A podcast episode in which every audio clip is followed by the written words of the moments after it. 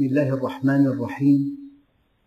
الحمد لله رب العالمين والصلاة والسلام على سيدنا محمد الصادق الوعد الأمين. اللهم لا علم لنا إلا ما علمتنا إنك أنت العليم الحكيم. اللهم علمنا ما ينفعنا وانفعنا بما علمتنا وزدنا علما وأرنا الحق حقا وارزقنا اتباعه. وأرنا الباطل باطلا وارزقنا اجتنابه. واجعلنا ممن يستمعون القول فيتبعون أحسنه. وأدخلنا برحمتك في عبادك الصالحين. اللهم أخرجنا من ظلمات الجهل والوهم إلى أنوار المعرفة والعلم ومن وحول الشهوات إلى جنات القربات. أيها الإخوة الكرام مع الدرس السابع والخمسين من دروس سورة الأنعام ومع الآية الثالثة والثلاثين بعد المئة وما بعدها بآيتين.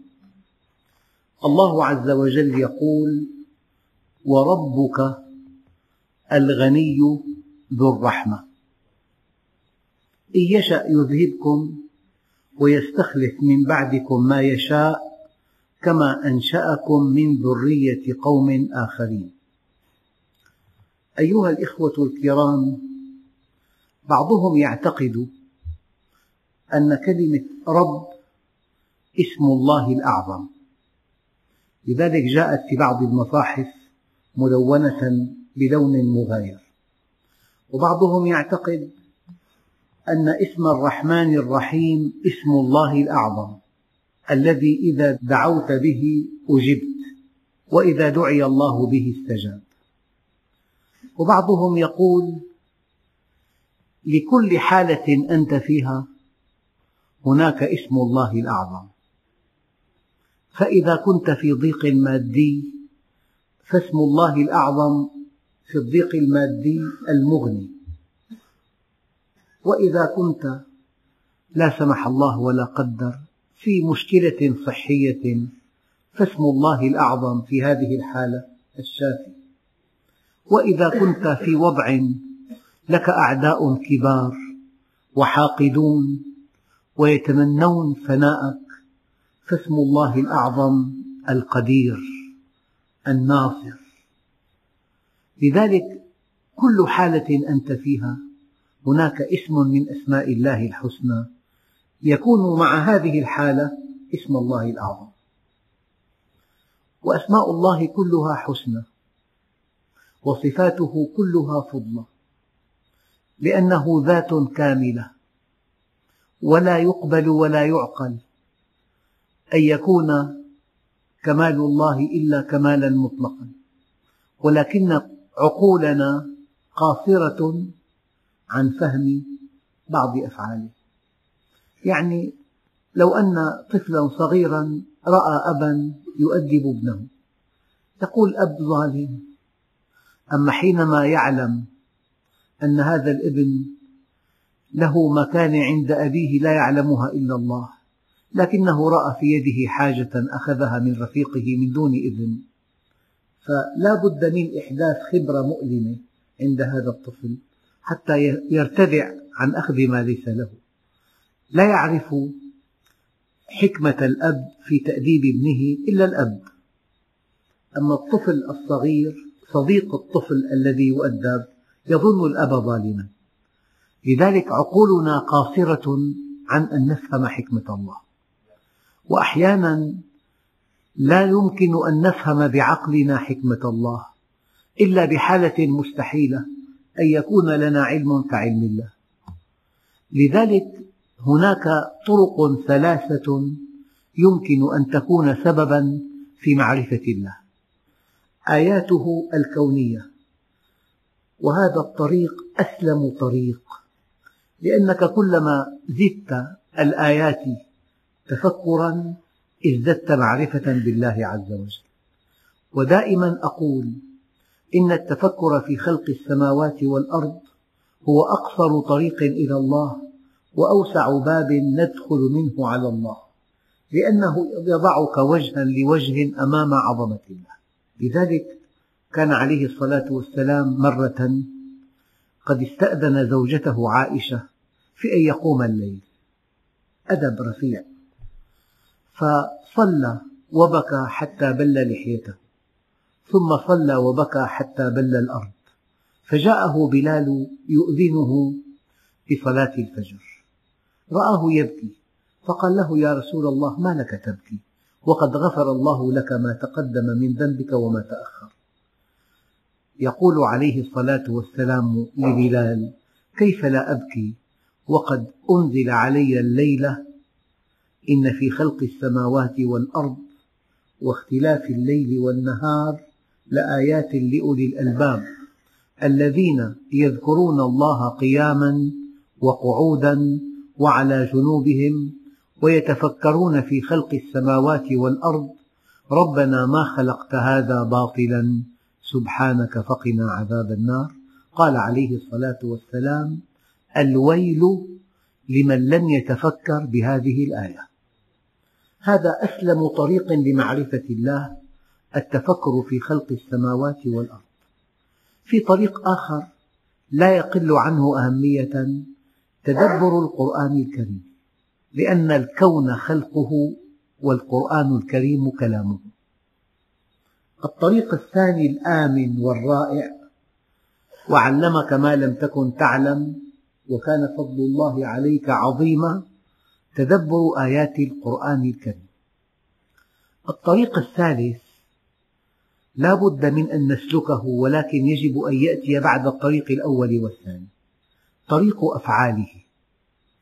أفعاله أيضا يمكن أن تقدم لك تعريفا لذاته العلية ولكن لا بد من أن تفهم حكمته بعد فهم كلامه وبعد فهم كونه.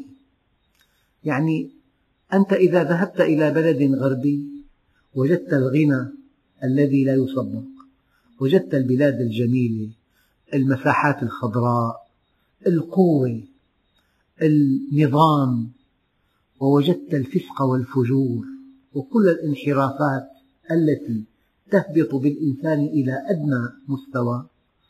إذا قرأت القرآن الكريم وقال الله لك فلما نسوا ما ذكروا به فتحنا عليهم أبواب كل شيء حتى إذا فرحوا بما أوتوا أخذناهم بغتة. فإذا هم مبلسون. إذا هؤلاء بحسب هذه الآية خارج العناية المشددة الإلهية. أما إذا وجدت بلدا مسلما فيه صلاة وصيام وعمل وأعمال صالحة وإنفاق لكن وجدت مشكلات لا تعد ولا تحصى. لعل هؤلاء المسلمين في العناية المشددة. ولعل الله سيرحمهم. وتؤكد هذه المعاني آية كريمة. إن فرعون علا في الأرض وجعل أهلها شيعا.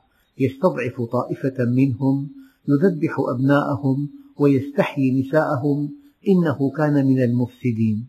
ونريد أن نمن على الذين استضعفوا في الأرض ونجعلهم أئمة ونجعلهم الوارثين ونمكن لهم في الأرض ونري فرعون وهامان وجنودهما منهم ما كانوا يحذرون.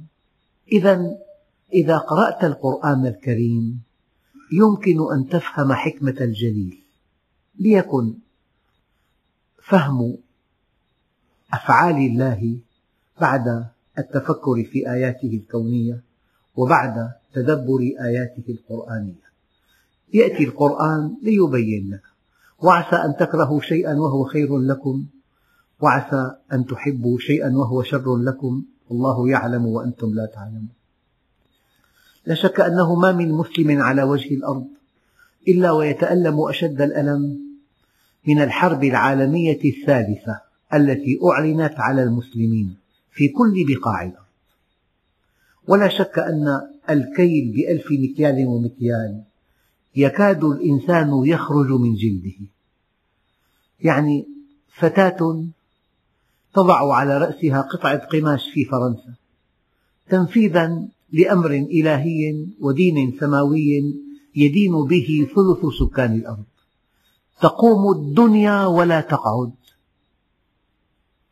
بينما فتاة أخرى في بلاد بعيدة ترتدي ثياب الشاذات والمدير يفصلها ووالد الفتاة يقيم دعوى على المدير ويحكم له القاضي بمبلغ كبير قال بأن إدارة المدرسة اعتدت على حريتها. حينما تسقط طائرة وتتهم جهة عربية بإسقاطها. تدفع هذه الجهة مليارين وسبعمئة مليون تعويضات لمئتين وسبعين راكب كل راكب تعويضه خمسمئة مليون ليرة سورية عشر ملايين دولار. أما ممرضات في ليبيا يحقن أربعمئة طفل بفيروس الإيدز تضع أوروبا كل ثقلها. لتبرئة الممرضات ومنع عقابهن بلد إسلامي يريد أن يجري مفاعلا نوويا بأهداف سلمية. تقوم الدنيا ولا تقعد. العالم كله يقوم ضدها. بينما أعداؤنا عندهم مئتا رأس نووي يهددون أمن المنطقة. لا أحد يحاسبهم. يعني في مفارقات لا تحتمل. لكن بعد حين ترون إن أمد الله بأعماركم وأمد الله أعماركم سوف ترون الحكمة البالغة من هذا الذي يجري الآن. أخواننا الكرام كان الإسلام في زاوية النسيان في العالم معتما عليه. الآن قفز الإسلام إلى بؤرة الاهتمام وجعل الله عز وجل هذا الدين ورقة رابحة بيد من بيده الأمور بعد أن كان ورقة خاسرة. وهناك من يلمس النتائج الإيجابية التي كانت بعد الحادي عشر من أيلول. وشيء آخر هو أن الحضارة الغربية في الحقبة الأخيرة خطفت أبصار أهل الأرض. لأن الغربيين يتمتعون بذكاء وقوة وبلادهم جميلة وهم أقوياء وأذكياء وأغنياء وخطفوا أبصار أهل الأرض. ونافسوا الدين وطرحوا قيما رائعة جدا جدا. طرحوا قيمة الحرية والديمقراطية وحقوق الإنسان وتكافؤ الفرص والعولمة بالمفهوم الأصلي احترام جميع الأديان. لكنهم بعد الأحداث الأخيرة سقطوا كحضارة وأصبحوا كقوة غاشمة ولم يبق من منهج يستوعب قضايا الإنسان ويحل مشكلات الإنسان إلا الإسلام. لذلك الخطر الذي يتهددهم لا في الجاليات الإسلامية في بلادهم التي تتنامى ولكن في اتساع رقعة المسلمين بين شعوبهم الأصلية. والإسلام اليوم أول دين ينمو في العالم. وكلما زدته حربا ازداد قوة وأنا أقول لكم دائما المؤمن يحترم قرار الله عز وجل. كان من الممكن أن يكون الكفار في كوكب والمؤمنون في كوكب. وكان من الممكن أن يكون الكفار في قارة والمؤمنون في قارة. وكان من الممكن أن يكون الكفار في حقبة زمنية والمؤمنون في حقبة أخرى. ولكن شاءت حكمة الله أن يجتمع المؤمنون مع غير المؤمنين في كل البلاد وأن تكون بينهم معركة أزلية أبدية هي معركة الحق والباطل. ذلك لأن الحق لا يقوى إلا بالتحدي وأن أهل الحق لا يستحقون دخول الجنة إلا بالتضحيات والبذل. وأن أهل الباطل هم عباد الله أيضا. الله عز وجل أدخلهم في هدايتهم أدخلهم في عنايته فضيق عليهم أحيانا. لذلك وعسى أن تكرهوا شيئا وهو خير لكم وعسى أن تحبوا شيئا وهو شر لكم. والله يعلم وأنتم لا تعلمون.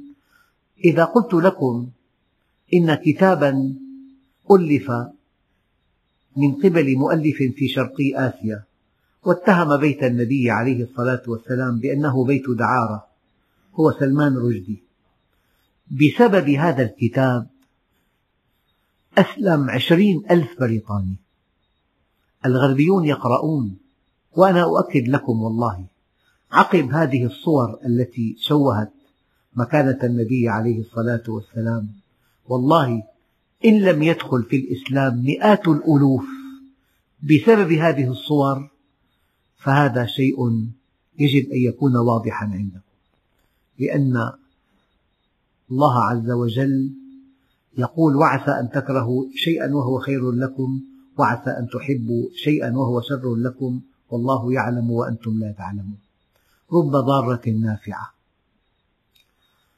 أيها الإخوة بيت من الشعر رائع جدا أو بيتان وإذا أراد الله نشر فضيلة طويت أتاح لها لسان حسود.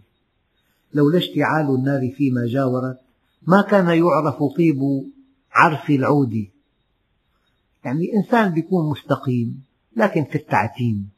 يأتي من يتهمه بتهم باطلة. ينهض الآخرون للدفاع عنه فإذا به يتألق. لذلك أخطر شيء في حياة الأمة أن تهزم من داخلها. من الداخل يجب أن تكون معنوياتكم عالية جدا. الآية الكريمة ولا تهنوا ولا تحزنوا وأنتم الأعلون إن كنتم مؤمنين. إنا لننصر رسلنا والذين آمنوا في الحياة الدنيا وكان حقا علينا نصر المؤمنين. ونريد أن نمن على الذين استضعفوا في الأرض ونجعلهم أئمة ونجعلهم الوارثين. إذا يقول الله عز وجل وربك ألصق اسم من أسماء الله الحسنى بالإنسان اسم الرب. يعني ألصق إنسان في حياة الطفل أمه لأنها تربيه تعتني به تعتني بجسمه تعتني بطعامه تعتني بأخلاقه تعتني بنومه تعتني بحركته تعتني في نزهته تعتني به. لذلك كلمة أم كلمة محببة وكلمة رب كلمة محببة. رب العالمين هو الذي يرعاك هو الذي يمدك بما تحتاج هو الذي يعاقبك أحيانا هو الذي يكرمك أحيانا هو الذي ينصرك أحيانا هو الذي يرزقك أحيانا. هو رب العالمين مربي. الله عز وجل قال وربك أيها الإنسان يعني أكبر شرف يناله الإنسان أن ينتسب إلى الله عز وجل. قل يا عبادي يا عبادي الذين أسرفوا على أنفسهم لا تقنطوا من رحمة الله. وربك يا محمد من ربك؟ الغني ذو الرحمة. أحيانا تجد الغني قاسيا. ينفق مئات الألوف في اليوم الواحد ويحاسب من عنده في المعمل على ليرة أو ليرتين. في قسوة بالغة. لكن الله سبحانه وتعالى أسماؤه كلها حسنى. للتوضيح أنت أحيانا تحب إنسانا حبا لا حدود له لكنك لا تقدره تقديرا عاليا. الواحد أيام أقرباء الذين أحسنوا إليه وليكن والداه يحبهم من أعماق أعماق قلبه. لكنه قد حصل علما عاليا جدا. يجد أن أباه ليس في المستوى الذي يتمنى أن يكون فيه. غير متعلم أحيانا. فالإنسان أحيانا يحب إنسانا حبا جما لكن لا يقدر علمه. وأحيانا تقدر علم أستاذ جامعي لكنك لا تحبه. فقد تقدر ولا تحب وقد تحب ولا تقدر. لكنك مع الذات الإلهية ولله المثل الأعلى. بقدر ما تحبه تعظمه. تبارك اسم ربك ذي الجلال والإكرام. بقدر ما هو عظيم بقدر ما هو كريم. هنا وربك الغني ذو الرحمة. الإنسان إذا اغتنى يستغني عن الناس ويتكبر. ويبتعد عنهم. لكن الله عز وجل مع أنه غني عن عباده. لو أن أولكم وآخركم وإنسكم وجنكم كانوا على أتقى قلب رجل واحد منكم ما زاد في ملكي شيئا. ولو أن أولكم وآخركم وإنسكم وجنكم كانوا على أفجر قلب رجل واحد منكم ما نقص في ملكي شيئا. ولو أن أولكم وآخركم وإنسكم وجنكم وقفوا على صعيد واحد وسألني كل واحد منكم مسألة ما نقص ذلك في ملكي إلا كما ينقص المخيط إذا غمس في مياه البحر. ذلك لأن عطائي كلام وأخذي كلام. فمن وجد خيرا فليحمد الله ومن وجد غير ذلك فلا يلومن إلا نفسه. وربك الغني ذو الرحمة. بالمناسبة أرحم الخلق بالخلق قاطبة هو سيد الخلق محمد عليه الصلاة والسلام. يعني حينما بالغ أهل الطائف في إيذائه وبالغوا في التنديد به وفي تكذيبه وفي السخرية من دعوته بل بالغوا في إيذائه الجسدي وأغروا صبيانهم أن يضربوه. وجاءه ملك الجبال وقال يا محمد أمرني ربي أن أكون طوع إرادتك. لو شئت لأطبقت عليهم الجبلين. ماذا قال؟ مكنه الله أن ينتقم منهم وأن يكون انتقامه منهم إبادة كاملة. قال لا يا أخي اللهم اهد قومي إنهم لا يعلمون. لعل الله يخرج من أصلابهم من يوحده لم يتخلى عن قومه. واعتذر عنهم. ودعا لهم. وانتظر أن ينجبوا أولادا صالحين. هذا مقام النبوة. وربك الغني ذو الرحمة. فسيد الخلق أرحم الخلق بالخلق. نحن أحيانا نرحم أولادنا. وإذا علا مقام أحدنا يرحم من حوله. كلما علا مقامك تتسع دائرة رحمتك. لكنك لا تحب أعداءك قولا واحدا إلا أن النبي عليه الصلاة والسلام وسعت رحمته كل الخلق. يحب كل بني البشر يتمنى لهم الخير. لذلك قال الله عنه دققوا. فبما رحمة تنكير رحمة. فبما رحمة من الله لنت لهم يعني كل هذه الرحمة التي تتمتع بها إنما هي جزء يسير من رحمة الله. وربك الغني ذو الرحمة. يعني عندك قطعة أرض قطعة أرض محدودة. أما الأراضي كلها عند فلان. فبما رحمة من الله لنت لهم. وربك الغفور ذو الرحمة. لذلك عبر النبي عن هذه الرحمة أحيانا. رأى أما تقبل ابنها وهو على التنور على طرف التنور. كلما وضعت رغيفا في التنور ضمته وقبلته وشمته. فقال عليه الصلاة والسلام فيما ورد في بعض الآثار أتلقي هذه المرأة بولدها إلى النار؟ قالوا معاذ الله. قال والذي نفس محمد بيده لله أرحم بعبده من هذه بولدها. يعني ما في علاقة بالأرض تفوق رحمة الأم بابنها. ورحمة الله تفوق رحمة الأم بابنها. يعني قصة رمزية. الثانية قصة رمزية. أن أحد أنبياء الله رأى امرأة على التنور تقبل ابنها وتشمه وتضمه. كلما وضعت رغيفا قال يا رب ما هذه الرحمة؟ قال هي رحمتي. أودعتها في قلب أمي وسأنزعها.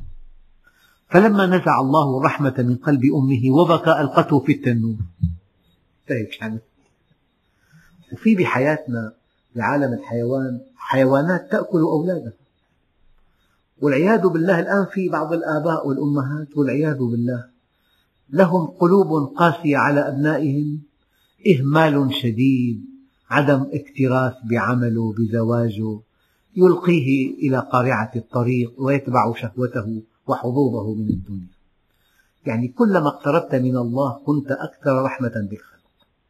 بالمناسبة يعني إذا كان للرحمة في مؤشر وللإيمان مؤشر دققوا. مؤشرا الرحمة والإيمان يتحركان معا. كلما زادت رحمتك زاد إيمانك. وكلما زاد إيمانك زادت رحمتك. والويل لمن قلبه قاسٍ الويل. فويل للقاسية قلوبهم من ذكر الله. إذا أردتم رحمتي فارحموا خلقي. يعني امرأة بغي رأت كلبا يأكل الثرى من العطش. نزلت بئرا وملأت خفها ماء وسقت الكلب فغفر الله له. إذا أردتم رحمتي فارحموا خلقي وربك الغني ذو الرحمة. وكلما اتصلت بالله تخلقت بكمالاته. يعني مستحيل وألف ألف مستحيل أن تتصل بالرحيم وتكون قاسيا وأن تتصل بالعدل وتكون ظالما. أخواننا الكرام الإسلام قضية مصيرية. يعني مؤمن يكذب مستحيل.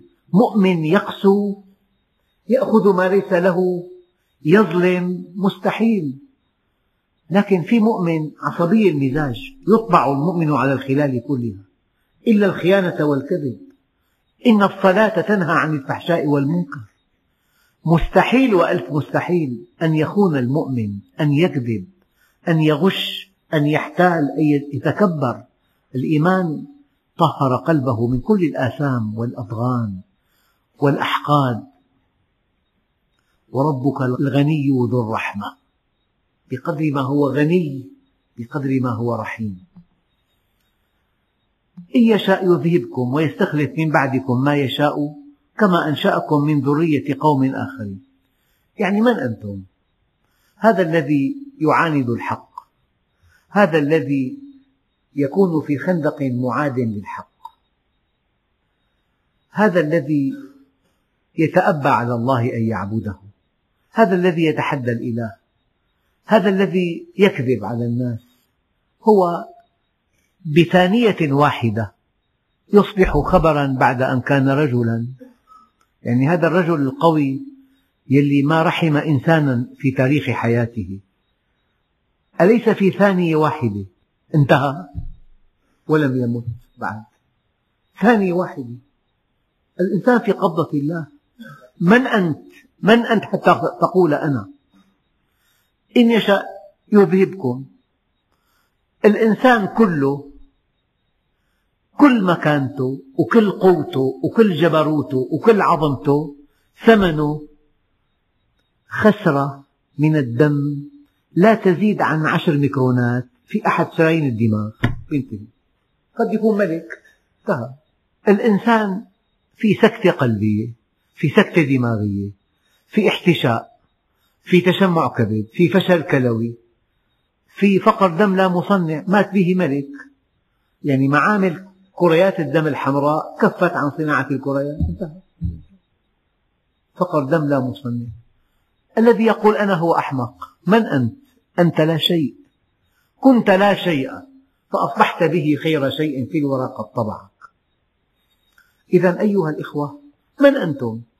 نحن أحيانا نرى أن في جهة بالأرض قوية جدا عندها قنابل ذرية وطائرات وأقمار صناعية ترفض كل حركة في الأرض وفي عندها أسلحة جرثومية وأسلحة كيماوية وأسلحة تعطل الاتصالات وأسلحة تعطل الطاقات وعندها أسلحة تميت البشر وتبقي الحجر. هذه موجودة. وتتحدى العالم كله بزلزال تسونامي قوة الزلزال تجاوزت مليون قنبلة ذرية. مليون رقم دقيق. وأخذ من مجمع علمي في العالم الغربي. زلزال التسونامي قوته تساوي مليون قنبلة ذرية. يعني الله عنده كن فيكون زل فيزول. كيف في, في رافعات كهربائية؟ أساسا بمغناطيس تحمل عشرين طن وما في قوة تسحب قطعة منها. أما العامل لهذه الرافعة في مكان إذا ضغطوا عشر الميليمتر وقطع الكهرباء عن هذه الرافعة كل شيء سقط فيها. الله عنده هالكبسة يعني أقوى قوة. هذا العالم الشرقي كان يملك قنابل ذرية كافية لتدمير الخمس قارات خمس مرات. الله عز وجل هو القوي. أنا ملك الملوك ومالك الملوك قلوب الملوك بيدي. فإن العباد أطاعوني حولت قلوب ملوكهم عليهم بالرأفة والرحمة.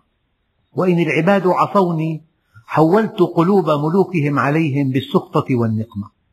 فلا تشغلوا أنفسكم بسب الملوك وادعوا لهم بالصلاح فإن صلاحهم بصلاحكم. يعني يروى أنه في ملك كان ظالم جدا وحقد على شيخ النجارين. كان في مثل نقابات الآن. شيخ النجارين يعني أعلى نجار مسؤول عن هذه الحرفة. فيريد أن يقتله بده مبرر. طلب منه مئة كيس إنشارة. معه للصبح. ما بتجمعوا ولا خمس سنوات. أيقن أنه مقتول. فعمل وصية أنجز كل أعماله وودع أولاده. مقتول مية بالمية. وبعد أذان الفجر طرقوا بابه فقبل أولاده وانطلق معهم ليقتلوه. قال له لا تعال ساوي تابوت ملك مات. لحظة لحظة. أنا ملك الملوك ومالك الملوك. قلوب الملوك بيدي. فإن العباد أطاعوني حولت قلوب ملوكهم عليهم بالرأفة والرحمة. كلما ازددت تواضعا زادك الله عزا. كلما ازددت طاعة لله زادك الله قوة. كيف وأن الله عز وجل أخبرك أنه يدافع عنك؟ إن الله يدافع عن الذين آمنوا. وإذا كان الله معك فمن عليك وإذا كان عليك فمن معك. ويا رب ماذا فقد من وجدك وماذا وجد من فقدك؟ أيها الإخوة أحد العلماء يقول ماذا يفعل أعدائي بي بستاني في صدري؟ إن أبعدوني فإبعادي سياحة وإن حبسوني فحبسي خلوة وإن قتلوني فقتلي شهادة. فماذا يفعل أعدائي بي في الدنيا جنة من لم يدخلها لم يدخل جنة الآخرة. يعني في حالات بالقرآن الكريم الموت محقق بالمية مليار. فرعون بجبروته وقوته وحقده وأسلحته وجماعته يتبع شرذمة معهم سيدنا موسى. فلما تراءى الجمعان رأوا فرعون وراءهم والبحر أمامهم. احتمال النجاة كم؟ ولا واحد بالمليار. وقال أصحاب موسى إنا لمدركون. قال كلا إن معي ربي سيهدين فصار البحر طريقا يبسا فلما تبعهم فرعون غرق. وعندي صورة لفرعون جاءتني بالبريد الإلكتروني. والله الذي لا إله إلا هو تقشعر منها الأبدان. هذا الذي قال أنا ربكم الأعلى. هذا الذي قال ما علمت لكم من إله غيري. أين هو؟ والآن موجود بمتحف مصر. فاليوم ننجيك ببدنك لتكون لمن خلفك آية. يده هكذا. بذلوا كل المحاولات كي تكون مستقيمة فلم يستطيعوا. هكذا. أثناء الغرق مات على هذه الحالة. والملح في فمه. أيها الإخوة البطولة أن تعرف الله قبل فوات الأوان. فكل إنسان يعيش واقعه فقط ولا يعبأ بالنصوص ولا بالوعد والوعيد بيكون كذاب وكل إنسان يأخذ كلام الله مأخذ الجد ويتفاعل معه ويتكيف معه بيكون إنسان عاقل جدا. مرة سألوا طالب نال الدرجة الأولى في الشهادة الثانوية. بالصحيفة أنه ما أسباب نجاحك وتفوقك؟ قال لأن لحظة الامتحان لم تغادر مخيلتي ولا ثانية طوال العام الدراسي ونحن جميعا نتزوج من تاجر نأسس معمل نأخذ دكتوراه لكن يجب ألا تغادرك لحظة الموت. هذه اللحظة تحاسب فيها عن كل شيء فوربك لنسألنهم أجمعين عما كانوا يعملون. فالبطولة أن تؤمن بهذا الحدث الخطير أخطر حدث بحياتنا مغادرة الدنيا. من بيت 140 متر لقبر من غرفة نوم وملاءات وأناقة وغرفة طعام وضيوف ومركبة فجأة بباب صغير. انظر إلى القبر هذا هو المصير. كان في عالم جليل من علماء دمشق. اشترى قبر قبل سنوات من وفاته ويزور القبر كل خميس. هنا المصير. هذا مفهوم الموت ليس معناه أن تثبط معنوياتك أبدا لكنه واقع من أجل أن تتأقلم مع منهج الله. لك أن تكون بأعلى درجة في عملك في اختصاصك في حرفتك في دراستك لكن الموت يجعلك تمشي وفق منهج الله. والموت يسرع الخطى إلى الله. بيقول سيدنا علي والله لو كشف الغطاء ما ازددت يقينا. يعني كان يقينه قبل كشف الغطاء كيقينه بعد كشف الغطاء. يقول سيدنا علي قول ثاني والله لو علمت أن غدا أجلي ما قدرت أن أزيد في عملي. هذه البطولة. وأنت حي وأنت قوي وأنت صحيح. اعمل لآخرتك. اعمل لآخرتك وأصلح دنياك. إنما توعدون لآت. يعني نحن جميعا من دون استثناء بعد مئة عام أين نحن؟ تحت التراب كلنا. واللي كانوا قبلنا كان لهم هموم كهمومنا وطموحات كطموحاتنا وماتوا وانتهى. يعني أنا قرأت مقالة عن رجل من أهل الفن بمصر. يخاف من الموت خوفا لا حدود له. ما ركب طائرة بحياته. ولا تناول طعاما قبل أن ينام. إلا الفواكه. وما تناول إلا اللحم الأبيض سمك أو دجاج. واعتنى بالرياضة بصحته بعدين مات. أنا حسب ما بيموت. ثم مات. إنما توعدون لآت. إن إلينا إيابهم. ثم إن علينا حسابهم. أين تذهب؟ قال فأين تذهبون؟ الله عز وجل قال مصيرنا إلى الله جميعا. إنما توعدون لآت. وما أنتم بمعجزين. معنى معجزين أي لن تستطيعوا التفلت من الحساب. مهما كان الإنسان كبيرا. دقق في هذه الآية. أينما تكونوا. في أي مكان وفي أي مكان. أينما تكونوا يدرككم الموت. ولو كنتم في بروج مشيدة. مرة قرأت مقالة عن إنسان حكم دولة بآسيا يعني طائرته الخاصة فيها زيادات بمئتي مليون دولار زيادات فقط. سيارته أيضا تكتب عليها مقالات كل شيء فيه بسيارته. بأي مكان جميل في له قصر 86 قصر في العالم. جاهزة لاستقباله كل 24 ساعة. يعني التدفئة والتكييف والطعام. بعدين مات. مات بعد. إنما توعدون لآت. فما دام الموت محققا تأقلم معه من الآن. تكيف معه. وأعلى درجة بالذكاء هو التكيف. التكيف مع الموت أعلى درجة بالذكاء. والله مرة شيعت جنازة. وأنا على القبر. حينما وضع الميت في القبر. والله الذي لا إله إلا هو. ما وجدت على سطح الأرض إنسانا أعقل مما يعد لهذه الساعة التي لا بد منها. ما وجدت على سطح الأرض إنسان أعقل ممن يعد لهذه الساعة التي لا بد منها. هذه البطولة. إن إلينا إيابهم ثم إن علينا حسابهم. وما أنتم بمعجزين أي لن تستطيعوا أن تتفلتوا من قبضة الله. أنت في قبضة الله. وسوف تأتي يوم القيامة فردا. ما في جماعات ما في يجي خمسين ألف اتصال.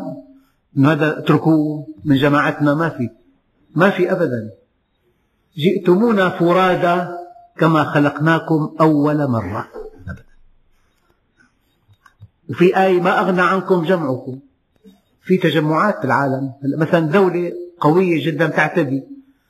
كل الدول بتناصرها على الظلم بتناصرها من أجل مصالحها في تجمعات.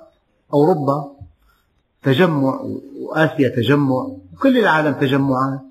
هذا التجمع ينتهي يوم القيامة. جئتمونا فرادا كما خلقناكم أول مرة. إذا وما أنتم بمعجزين لا تستطيعون التفلت من قبضة الله ولا من عقابه. ومرة كنا في مؤتمر في بلاد بعيدة والمؤتمر من تقاليده أنه قبل آخر يوم يجلس الضيوف وكنا أحد عشر ضيفا في لوس أنجلوس ويلقي كل ضيف كلمة لدقيقة واحدة. ألقينا عشر محاضرات. أما هذا اليوم الوداع كلمة لدقيقة واحدة فكان إلى جانبي مندوب دولة أعانها الله على أن تنجو من محنتها العراق. قال والله أصاب المسلمين في هذا البلد أصابنا في هذا البلد من القهر والخوف ما لم يصب به المسلمون مجتمعين في مئة عام. وبكى ثم قال ولكننا والله ارتقينا في سلم الإيمان ما لم نستطع أن نرتقي به ولا في ثلاثمائة عام. فقلت بعده أنا إذا خطة الله استوعبت خطة الأقوياء. ووظفتها لصالح المجتمع البشري. والحمد لله رب العالمين. بسم الله الرحمن الرحيم. الحمد لله رب العالمين. والصلاة والسلام على سيدنا محمد الصادق الوعد الأمين. اللهم أعطنا ولا تحرمنا أكرمنا ولا تهنا آثرنا ولا تؤثر علينا أرضنا وارض عنا. وصلى الله على سيدنا محمد النبي الأمي وعلى آله وصحبه وسلم والحمد لله رب العالمين الفاتح.